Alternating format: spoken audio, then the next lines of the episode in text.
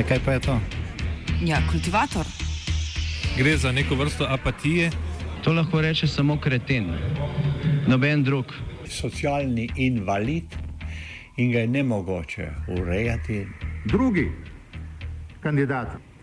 Pa, eh, pa pije, kadi, masturbira, vse kako hoče lahko počne. Nihče tega ne ve. Vsak petek skultiviramo dogodek tedna. Lahko po kriterijih radio študent, težko pa po evropskih kriterijih. Ampak na drug način, kot vi tu mislite. Kultivator vedno užge.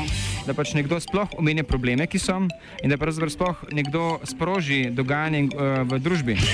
To drži, drži.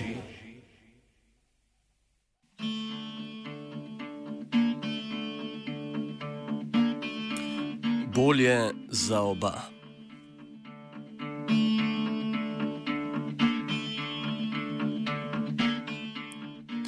It's not me, it's you. Je parafraza angliške rečenice, ki naznanuje konec intimne zveze in ki bi jo prav lahko v torek zvečer predsednik vlade odstopil Miro Cerar izrekel zdaj že nekdanjemu strankarskemu kolegu Milanu Brglezu. Ta je bil namreč po odločitvi 11 članov izvršnega odbora stranke Modernega centra iz nje izključen. Še isti večer je bil izbrisan iz seznamov na spletni strani stranke, sam pa je o svoji usodi prvi poročal na svojem Facebook profilu. Tam je kot glavni razlog izključitve navedel njegovo nasprotovanje koaliciji SMC-ja z SDS-om, a je v prihodnjih dneh to izjavo že umaknil in dejal, da je bila izrečena v afektu.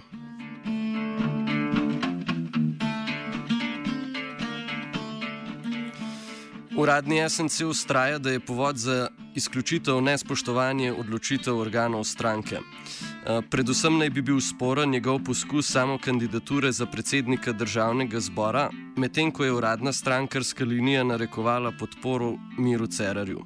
Pojasnjuje Igor Zorčič, vodja poslanske skupine SNC. Glavni razlog, pravzaprav edini razlog je bil ta, da je da se je gospod Brgles ponujal za kot možen kandidat za predsednika državnega zbora v času, ko so se nekatere stranke, ki naj bi predstavljali neko, neko bodočo koalicijo, eh, pogajale o tem oziroma dogovarjale o tem, kateri bi bil še drugi možen kandidat in je stranka modelnega centra ponujala kot možnega kandidata predsednika Mira Cerarja.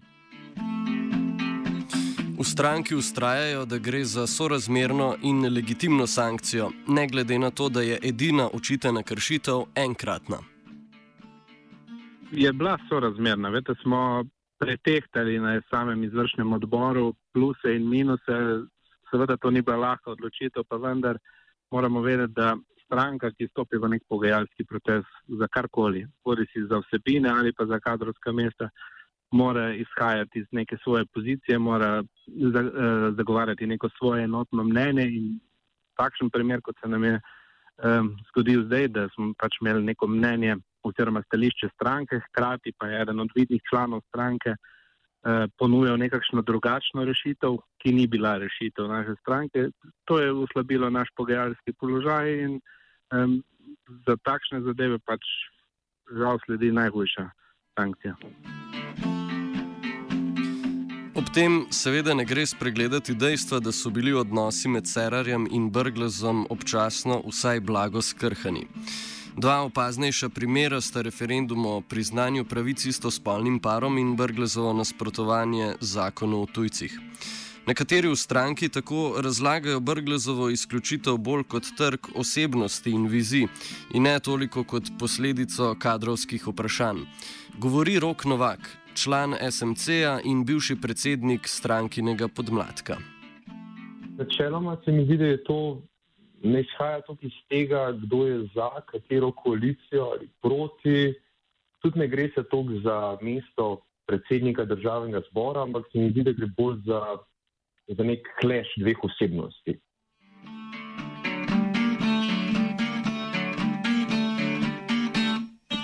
V kratki zgodovini stranke SMC sicer lahko beležimo kar nekaj znatnejših izstopov članov, ki se niso strinjali s politiko stranke.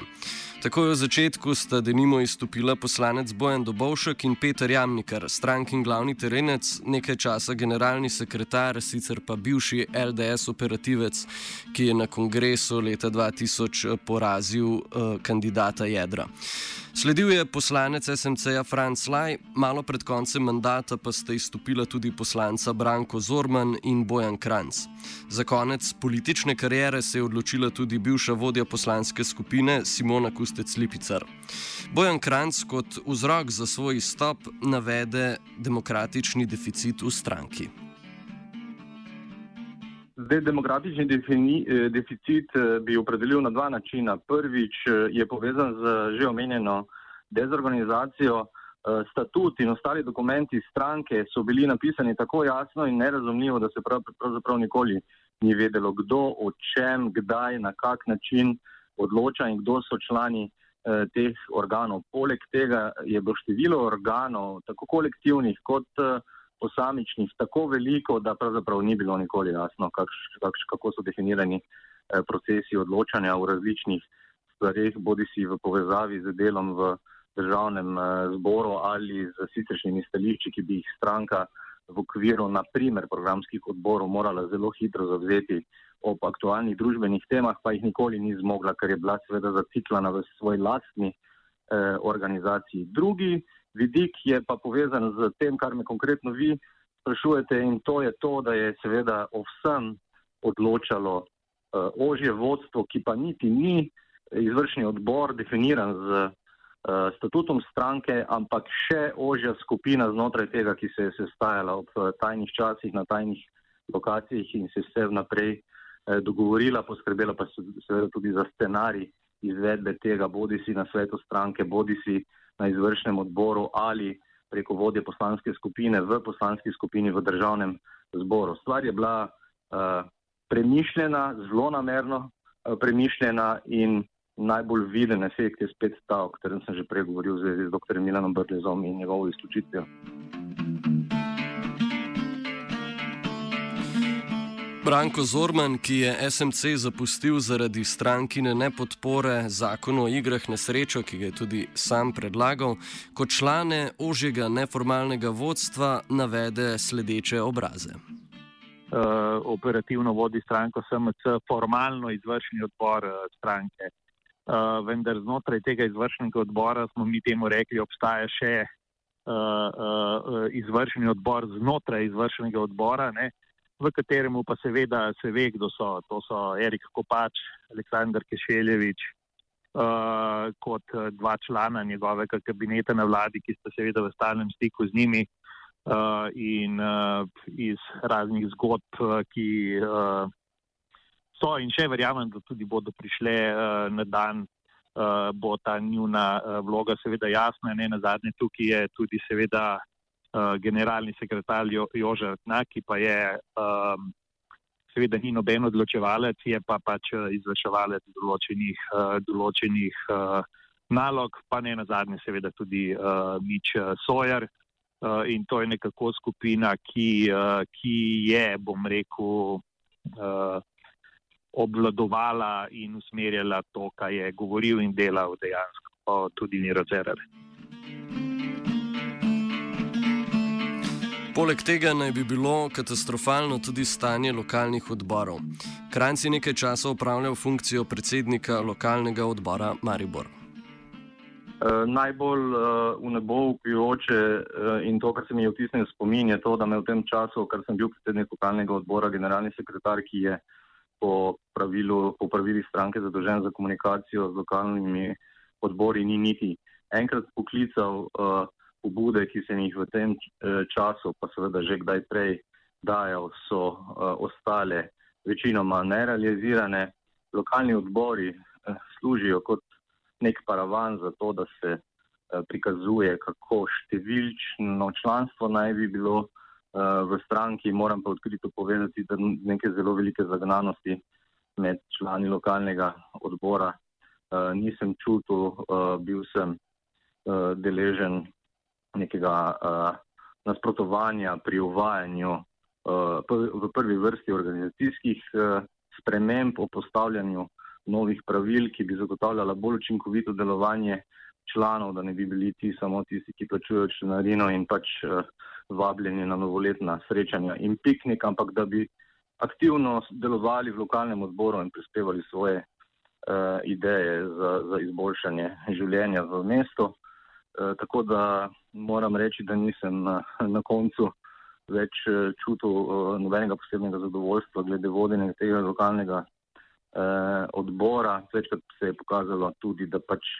jih večino ljudi zanimajo funkcije, pa še to samo tiste, uh, ki so plačene ali pa če bi kdo lahko kje komu uredil uh, kakšno službo, kar se mi zdi, da je sploh prepogost pojav v delovanju političnih strank, ki se še posebej kaže takoj po volitvah in pred koncem volitev oziroma mandata.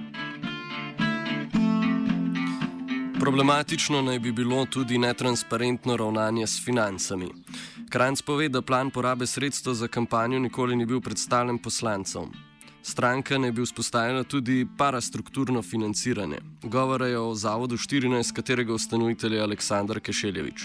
Zavod 14 je bil oblikovan že pred ustanovitvijo stranke in je služil kot platforma za njeno ustanavljanje.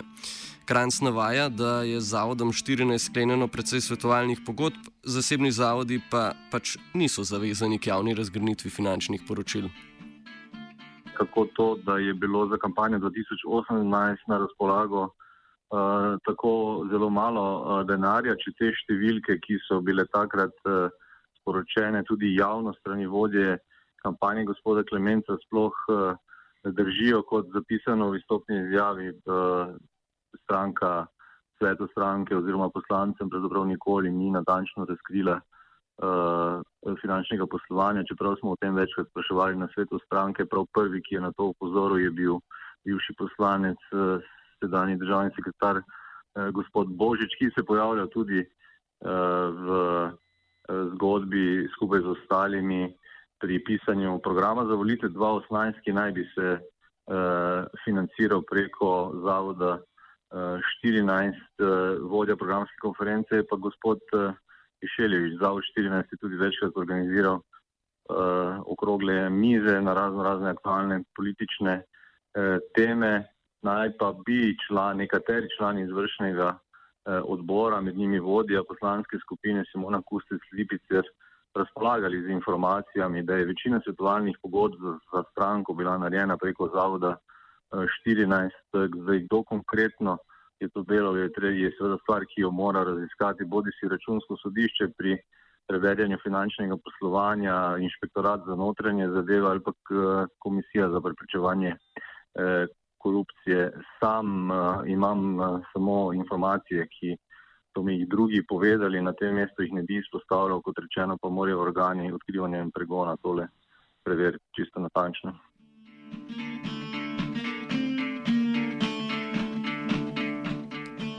Povod za izstop Bojana Kranca pa je bilo mešetarjenje s kandidatnimi okraji na preteklih volitvah. Kljub prvotni potrditvi, da bo ponovno kandidiral v kraju, v katerem je bil na volitvah 2014 izvoljen, eh, pa so se v stranki kasneje premislili. Nekateri v stranki eh, so za to potezo videli čiščenje. Kranc se namreč politično vidi bližje Brglezu kot Cerarju.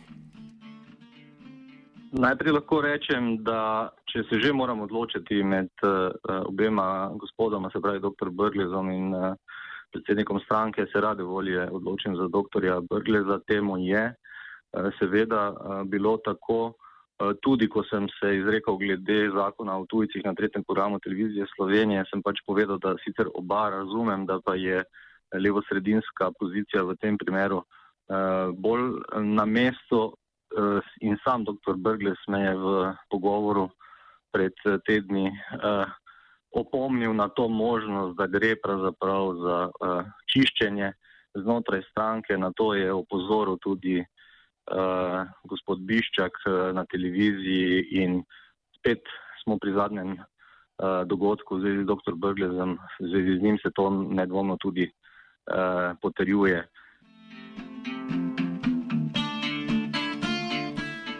Kranc priznava, da so se čiščenja sicer dogajala. Opiše tudi mehanizme.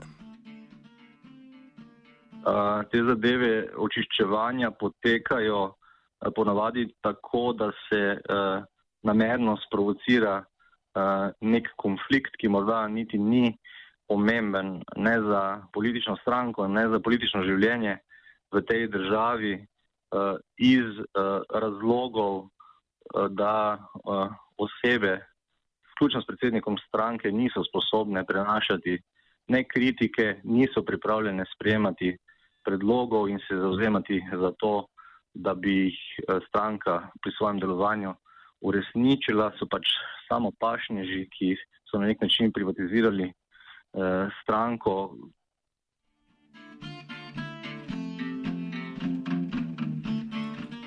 V tej luči je po nekaterih virih blizu jedra SMC mogoče razumeti tudi menjave v svetu stranke in izvršnem odboru.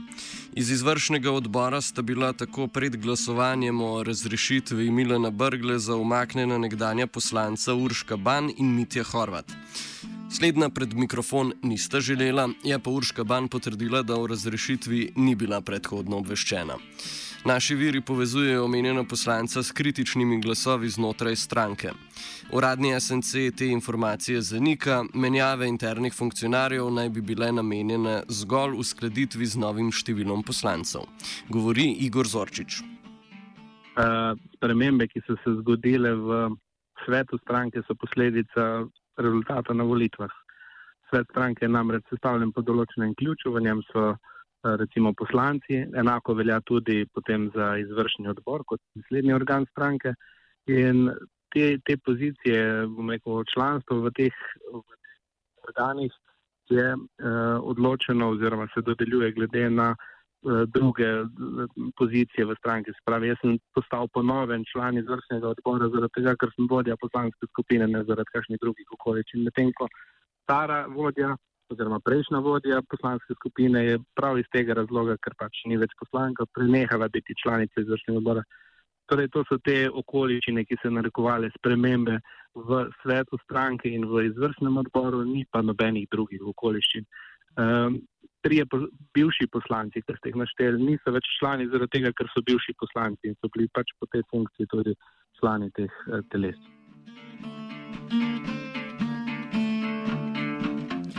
Milan Brgles je bil med levo-sredinsko publiko takoj po izključitvi sprejet kot mučenik. Twitter komentatorji so slavili njegovo odločnost in upornost proti miru Cerarju, levičari in socialni dem demokrati ga domala že vabijo v svoje vrste. Filozof Tadej Troha Brgle zavidi bolj kot simulakar tega, kar so si od SMC-ja levo-liberalci vedno želeli. Njega ne moramo gledati čist izolirano, njega kot politika. Ne ga moramo upeti v neko uh, fantazmatiko. On je v principu neka fantazmatska figura in se tako tudi obnaša.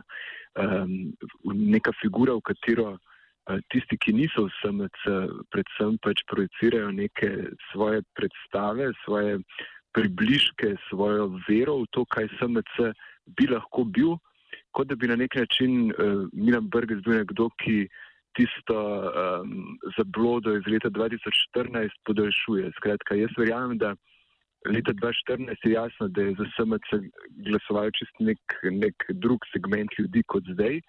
Um, in da so nekateri pač, ki niso preveč podrobno spremljali Mira Cerarja, prej za Milana Brgle za itek nobeni niti približno vedel, kakšen je. Zdaj se je, da je pač nek tak uh, umiren, normalen lik. Uh, skratka, tisti, ki niso preveč podrobno spremljali Mira Cerarja, so verjeli, da gre za neko tako uh, kultivirano levo-sredinsko stranko, ki ne bo naredila nobene škode, ki tudi, kot so se takrat hvalili, neč kaj velikega ne obljubljajo, ampak pač skratka, ki bo pelali neko normalno politiko, neko normalizacijo. Ne?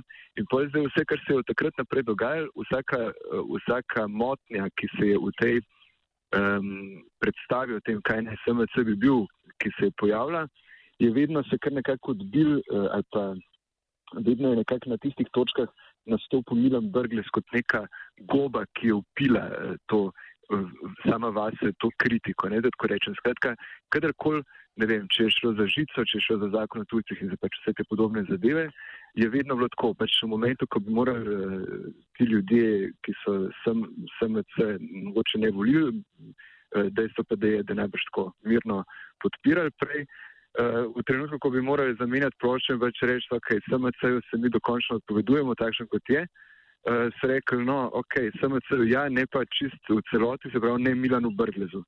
In zdaj, ko je Milan Brglez to um, nekako začel um, opazovati, ko je to, um, te zadeve zaznal, ko je si odprl Facebook profil, na katerem so mu ljudje za vsako um, zadevo uh, govorili, kako super in fajn uh, načelen človek je, je v tem začel uživati. Ne? Skratka, neka figura, ki je nastala kot fantazmatska figura, ki pa se je pol v bistvu v tej fantazmatiki sama budila in sama začela delovati na ta način.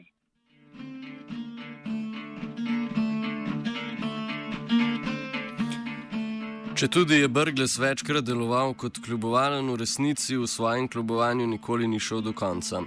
Poslušalci in ustvarjalci Radia Študent se ga bomo gotovo najbolj zapomnili po izjavi izrečeni ob kampanji proti militarizaciji, ko je dejal, da Radio Študent ogroža nacionalno varnost in človekove pravice, da bi udejanili svoje ideološke postulate. Troha opozori na jalovo kljubovanje ob zakonu o tujcih. Če pogledamo primer zakona o tujcih, ki je najbolj najbolj eh, jasen primer njegove kritike ali pa tega tipa načelnosti, s katero se on postavil. Eh, ko se je začel ta, ta sprememba zakona o tujcih eh, dogajati, je on začel javno govoriti o tem, da najprej mislim, da je začel upozarjati v tem smislu, da, bojo, da bo tako tako poskrbel, da bojo v zakonu, da bo vrgolil enih varovalk, ne, in da bo zadeva pač, da bo on skrbel za to, da bo zadeva ustavna in da bo lepa in dobra. Um, iz tega, to se je potem v javnosti govorilo, on je nekaj imel vsake tok časa kakšne javne izjave in tako naprej, ampak ko je nastopila pa seja parlamenta, ko pa je bil v, na prizorišču, kjer bi on lahko vse to, kar je prej po medijih, tako po kapecah, uh, govoril, povedal, je pa počakal ampak res na konec razprave, na čisti konec razprave, na, na moment, potem, ko je, ko je bil zakon oziroma ta novela še poslabšana, skratka, ko je bil na mest, da bi, da bi bila sprijeta ta njegova, njegova recimo, um, linija uh, polna varovalk, je, bil, je bila sprijeta verzija, ki je bila še slabša od tiste, od tiste prej. In on je v tistem trenutku nastopil, uh, noč je že bila tako rekoč, ne, prišel pač za sijal tam in povedal, da on pač kot predsednik državnega zbora in kot politik in tako naprej, in kot verjetno kdaj kje tle dodal še kot profesor na FDV-ju, ne more tega protivstavnega, te protivstavne spremembe podpreti. Uh, in tle se mi res zdi to, no, da on, če bi um, kadarkoli hotel kaj spremeniti, on bi recimo lahko to svojo uh, javno mnenjsko podporo uh, lahko izkoristil na na veliko bolj produktiven način. Če bi seveda res kaj hotel spremeniti. Meni je zelo žal, ampak jaz na nobeni točki Milano Brglezu niti malo nisem mogel verjeti, da bi karkoli rad spremenil, zaradi tega, ker je vedno vsako stvar gledal, gledal na ta način, ok, jaz kritiziram, potem ne dosežem tega, potem pa čez en teden, kot da se nič ne zgodi, v bistvu začnem ponovno agitirati za SMC in govoriti, kako je ta stranka fina, ker ima uh, sama oseb neka različna mnenja. Zastavlja se tudi vprašanje, če se bo Brglezu pridružil še kak poslanec SNC-a. Ocenjuje Branko Zorman. Zdaj, mi kot, kot ne vem, člana vlade, CERR, pa, pa uh, gospodarski minister, ne počivalšek, seveda uh, tukaj uh, bi uh, izključil ven. Zdaj, gledano, kdo je še ostal iz poslanske skupine prejšnjega mandata, sta edino Zorčič, Rajč in pa, in pa uh, Sluga. Uh, torej, uh, da bi rekel, da je mogoče uh, bližje, bližje uh, bil Brglezu, uh, je na nek način bil morda Rajč, vendar tudi ne bi mogel zdaj to potegniti prvo ločnico, da, da je nekdo bližje Cerarju ali pa bližje Brglezu. Um, tako da uh, definitivno je. Uh, kdo od teh treh zadnjih omenjenih bil tudi v preteklosti kritik Cerarja, kar pa ne pomeni, da je nujno seveda podpornik ali pa pristaš Brgleza v vsem, kar pač je Brglez počel. Brez pogleda v kristalno kroglo, kultivator zaključujem z upanjem.